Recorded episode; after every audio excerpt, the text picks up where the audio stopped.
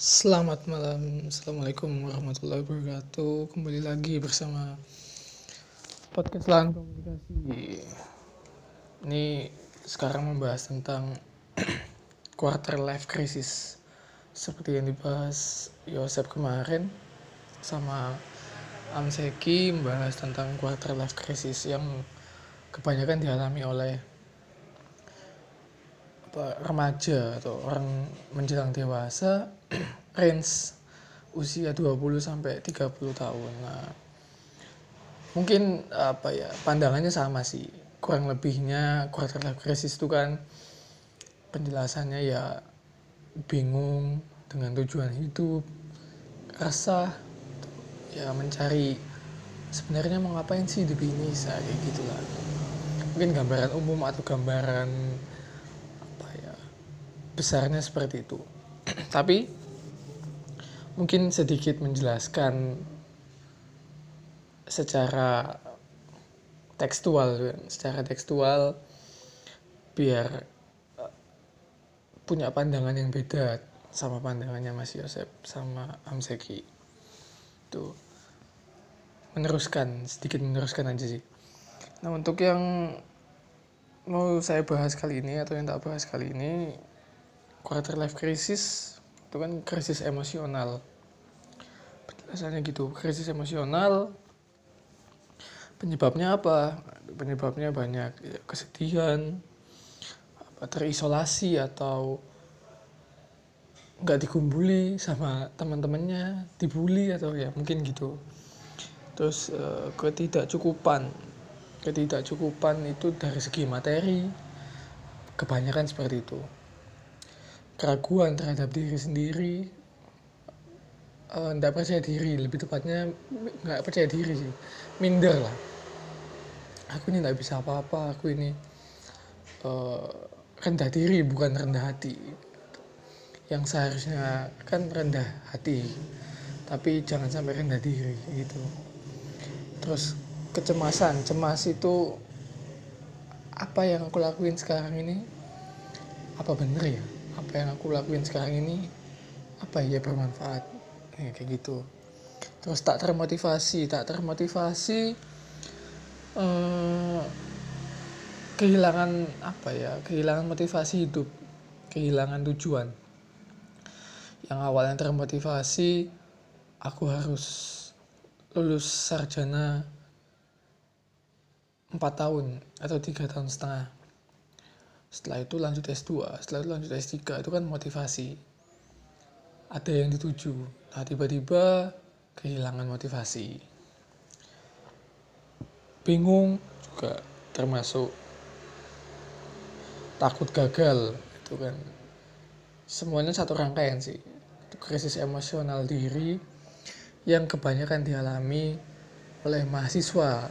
Range-nya antara 20 sampai 30 tahun itu kan bisa dikatakan range-nya umur-umurnya mahasiswa. Ya yang mulai kuliah ataupun yang S2 itu kan umur-umur segitulah. Penyebabnya itu tadi. Yang mungkin lebih realit apa ya lebih real lebih sesuai dengan realita itu finansial kebanyakan. Finansial ataupun bahkan banyak juga orang yang secara finansial berkecukupan atau bahkan berlebihan itu juga mengalami quarter life crisis. Mungkin bisa dikatakan ya ndak ndak pasti orang setiap ndak setiap orang pasti mengalami quarter life crisis. Tapi sebagian besar seperti itu. Mungkin dipahami secara bahasa yang beda itu eh, soal penyebutan nama aja cuman mungkin esensinya sama. Gitu terus fase-fasenya itu ada empat sependek pengetahuan saya. Itu yang pertama terjebak dalam suatu situasi pekerjaan atau relasi. Terjebak dalam satu situasi itu gimana atau pekerjaan atau relasi? Terjebaknya itu merasa apa ya aku berada di lingkungan ini tuh benar. Apa ya aku ada di lingkungan ini tuh direken sama orang apa ya aku ada di lingkungan ini uh, punya motivasi apa ya aku ada di lingkungan ini bakalan berhasil. Apa ya aku bekerja di sini sesuai dengan passion atau sesuai dengan apa jadi diri atau kayak gitu gitulah terus relasi apa ya aku berrelasi dengan orang ini orang ini orang ini bakalan punya impact ke depannya buat kehidupan kayak gitu. Fase selanjutnya uh, pikiran bahwa perubahan itu mungkin terjadi. Setelah terjebak dalam satu situasi pekerjaan ataupun relasi fase selanjutnya ya mikir bahwa perubahan yang mungkin terjadi ya mungkin aja kan. Siapa tahu setelah kita ada di lingkungan ini kita jadi lebih buruk. Itu kan jatuhnya ke cemas jatuhnya ke overthinking. Apa ya gitu terus insecure ngelihat orang-orang yang lebih pintar lebih ya pokoknya lebih lebih cantik lebih ganteng atau lebih pokoknya dari dirinya sendiri gitu. Terus yang ketiga periode membangun kembali hidup baru. Ya di sini mulai oh ternyata seperti ini yang tak khawatirkan ternyata seperti ini penyebab kekhawatiran ternyata seperti ini penyebab aku cemas ternyata seperti ini penyebab aku takut gagal. Ternyata seperti ini penyebab aku kebingungan mulai menemukan. Setelah itu rumusan masalahnya ditemukan ada solusinya. Jadi seperti ini ya harusnya. Tuh, tiap orang otomatis punya pengalamannya masing-masing. Dengan interpretasi atau penilaiannya masing-masing juga.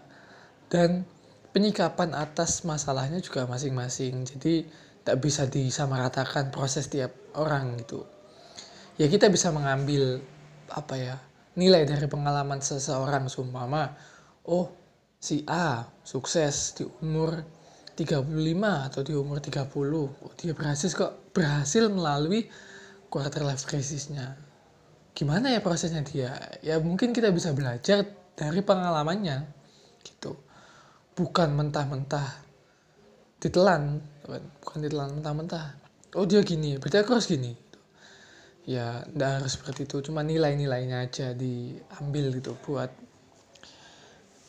kehidupan kita sendiri. Lalu fase yang terakhir mengukuhkan komitmen anyar atau komitmen baru terkait nilai-nilai diri terkait apa prinsip-prinsip hidup.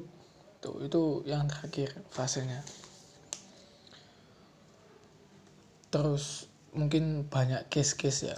Mungkin aku sendiri pun ya saat ini lagi mengalami proses itu. Cuman gimana lah me, me, menyikapi atau mikir oh iya masa iya terus menerus ada di fase bingung terus menerus ada di fase cemas terus menerus ada di fase takut gagal. Itu pasti terjadi cuman gimana menyikapinya aja kan gitu mungkin terjadinya kebingungan. Kok ekspektasiku nggak sesuai sama realita yang ada ya? Akhirnya terjadi kesenjangan kan? Terjadi kesenjangan akhirnya ya udahlah males ah. Ekspektasiku kayak gini kok realitanya nggak terjadi. Ya kalau menurutku sih itu wajar. Itu manusiawi ya maksudnya.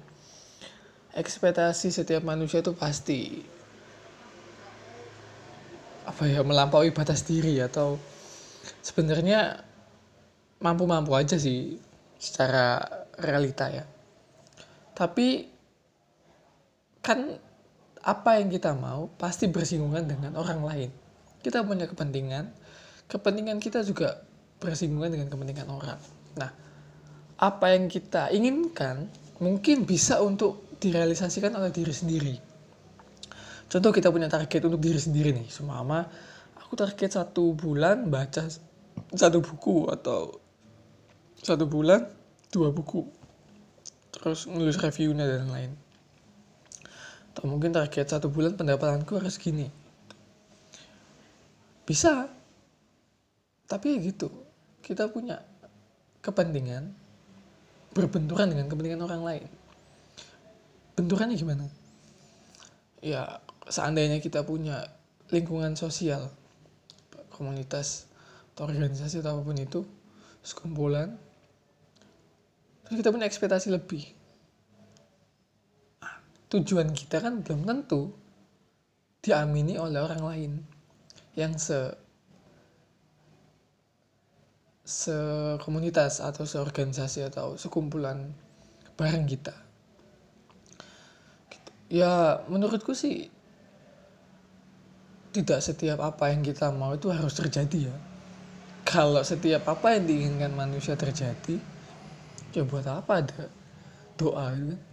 Buat apa ada harapan? Kalau memang setiap apa yang kita mau itu terjadi nggak guna dong sifat sabar ikhlas itu kan nggak guna. Kalau kalau setiap apa yang kita inginkan harus dan pasti terjadi. Nggak ada gunanya hidup. Maksudnya ya hidup juga perlu masalah. Perlu quarter life crisis ini perlu nah perlunya apa? Mungkin banyak orang yang beranggapan quarter life crisis itu adalah adalah apa?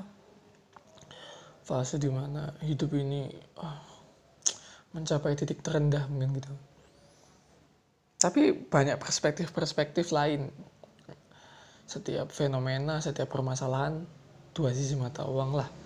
Ada positif negatifnya jangan bahas negatifnya terus gitu. Sesekali dibahas positifnya gunanya apa untuk nilai yang akan dijadikan prinsip hidup gunanya apa untuk kehidupan maknanya apa? Terjadi permasalahan. Perspektif lainnya yo. Quarter life crisis ini bisa dijadikan titik awal perencanaan hidup kita ini maunya seperti apa punya target jangka pendek 5 tahun target jangka penengah 10-15 tahun target jangka panjang 20, 25, 30 tahun. Itu mau ngapain? Kayak gitu. Mungkin bisa dijadikan uh, apa tolak apa ya titik tolak gitu kan. Oh iya. Aku bingung ini ini setelah melalui fase-fase tadi. Setelah penentuan oh iya aku harus kayak gini aku harus kayak gini punya target itu sesuai dengan kapasitas masing-masing ya dievaluasi kan oh aku kalau menghabiskan waktuku untuk hal-hal yang mungkin kurang bermanfaat untuk hidup ya nggak bernilai gitu kan toh ya mungkin banyak orang ngomong gini waktu setiap manusia itu sama-sama 24 jam. Kenapa sih A bisa, kenapa kita enggak? Mungkin bisa dijadikan sedikit motivasi. Banyaklah kata-kata di media sosial yang kayak gitu. Terus penentuan arah habis itu apa yang membahagiakan nah, tujuan hidup manusia kan mayoritas itu untuk kebahagiaan. Apa yang membahagiakan menurut diri kita masing-masing ya kita sendiri yang tahu. Meskipun tidak selamanya apa yang kita mau apa yang menurut kita membahagiakan itu sesuai sama apa yang orang lain atau orang terdekat kita itu mau terhadap diri kita gitu. Kan ekspektasi orang kamu harus gini kamu harus gini kamu harus gini. Nah tapi kalau kita tidak mau seperti itu gimana? Itu kan. Toh ya yang menjalani hidup kita gitu. Itu apa ya mungkin pandangan positifnya gitu. Mungkin kalau seseorang nggak pernah jatuh nggak tahu rasa sakit ya nggak enak gitu loh maksudnya. Nggak enak gimana? Nah nanti jatuhnya tiba-tiba katakanlah di umur yang sudah lumayan tua atau mungkin 40 45 tahun sekitar segitu baru jatuh ya shock gitu kan lebih apa ya energinya lebih terkuras banyak. Mumpung masih muda kata-kata motivator kan habiskan jatah gagalmu kan gitu. Mungkin itulah bisa dijadikan tolak ukur setelah gagal beberapa kali dievaluasi tentukan arah hidup yang baru. Dengan belajar dari kesalahan-kesalahan yang lalu. Terus juga dapat jadi pengingat bahwa manusia itu terbatas. Manusia itu punya batas. Itulah gunanya adanya Tuhan, adanya doa, adanya agama, adanya kepercayaan agar manusia senantiasa berharap dan mempercayai sesuatu di luar dirinya yang bisa mendukung apa yang dia mau. Mungkin apa prinsip-prinsip psikologi contohnya kayak the law of attraction teman. Itu mungkin istilah-istilah yang berkaitan dengan vibrasi positif, energi positif kalau kita mengeluarkan energi positif dari dalam diri, otomatis alam menangkapnya sebagai energi positif dan akan kembali ke diri kita juga. Mungkin gitu ya kebanyakan motivator bilang gitu. Tapi ya memang benar juga sih. Nggak selamanya nggak selamanya sampai salah ngomong. Nggak selamanya motivator itu ya keliru. Nggak selamanya kita benar. Jadi memandang orang lain itu jangan pakai apa hukum baku kalau bisa kita memandang diri kita pakai hukum baku memandang orang lain pakai pluralisme atau mungkin keberagaman pikiran nilai kepercayaan dan lain-lain. Mungkin ya gitu menyambung apa yang dibahas Yosef sama Hamzeki ya kurang lebihnya sama lah. Cuman mungkin aku mengambil tema ini juga agar apa ya nyambung lah sama keadaan sekarang gitu kan. Corona kita di rumah aja stay at home bingung cemas dan lain sebagainya. Mungkin bisa dijadikan sedikit apa pembelajaran khususnya untuk diriku sendiri sama yang mendengarkan. Semoga aja bermanfaat. Itu kalau bermanfaat kan alhamdulillah.